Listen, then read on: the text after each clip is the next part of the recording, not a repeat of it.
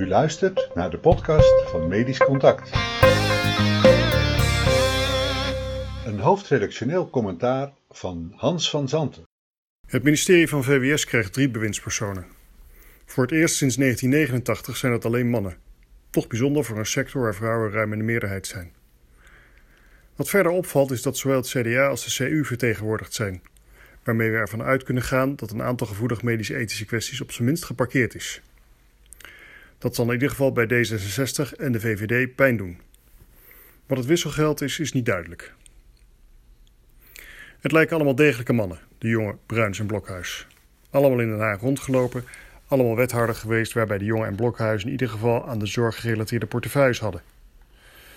Wat Bruins betreft vond ik, toen hij coördinierend staatssecretaris van Onderwijs was, vooral deze woorden interessant. Ik wil niet de hele regelgeving aan detail uitschrijven, want dat levert een boel handhaving op. Ik wil naar een systeem dat meer maatgevend, kaderscheppend is. Dat klinkt als minder bureaucratie en ik zou zeggen, hou dat vast. Overigens is hij tekort aan zet geweest om wat dat betreft iets voor het onderwijs te betekenen. De sector bezwijkt net als de onze onder het papierwerk. De jongen die ouderenzorg in zijn portefeuille krijgt, zei vorig jaar: Als de boodschap van zelfredzaamheid ertoe leidt dat ouderen in eenzaamheid hun leven slijten omdat ze niets meer aan anderen durven te vragen, dan doen we het niet goed. Dat klinkt mij als muziek in de oren.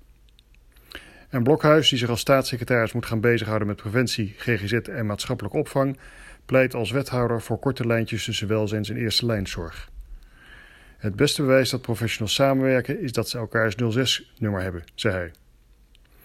Ik hoop dat de bewindspersonen op hun beurt snel hun oor te luisteren leggen in het veld. Na de in Den Haag en in de sector gepokte en gemazelde Schippers en Van Rijn zal het voor iedereen weer even wennen zijn. U luisterde naar de podcast van Medisch Contact. Wilt u op de hoogte blijven? Abonneer u gratis. Ga naar medischcontact.nl/podcast.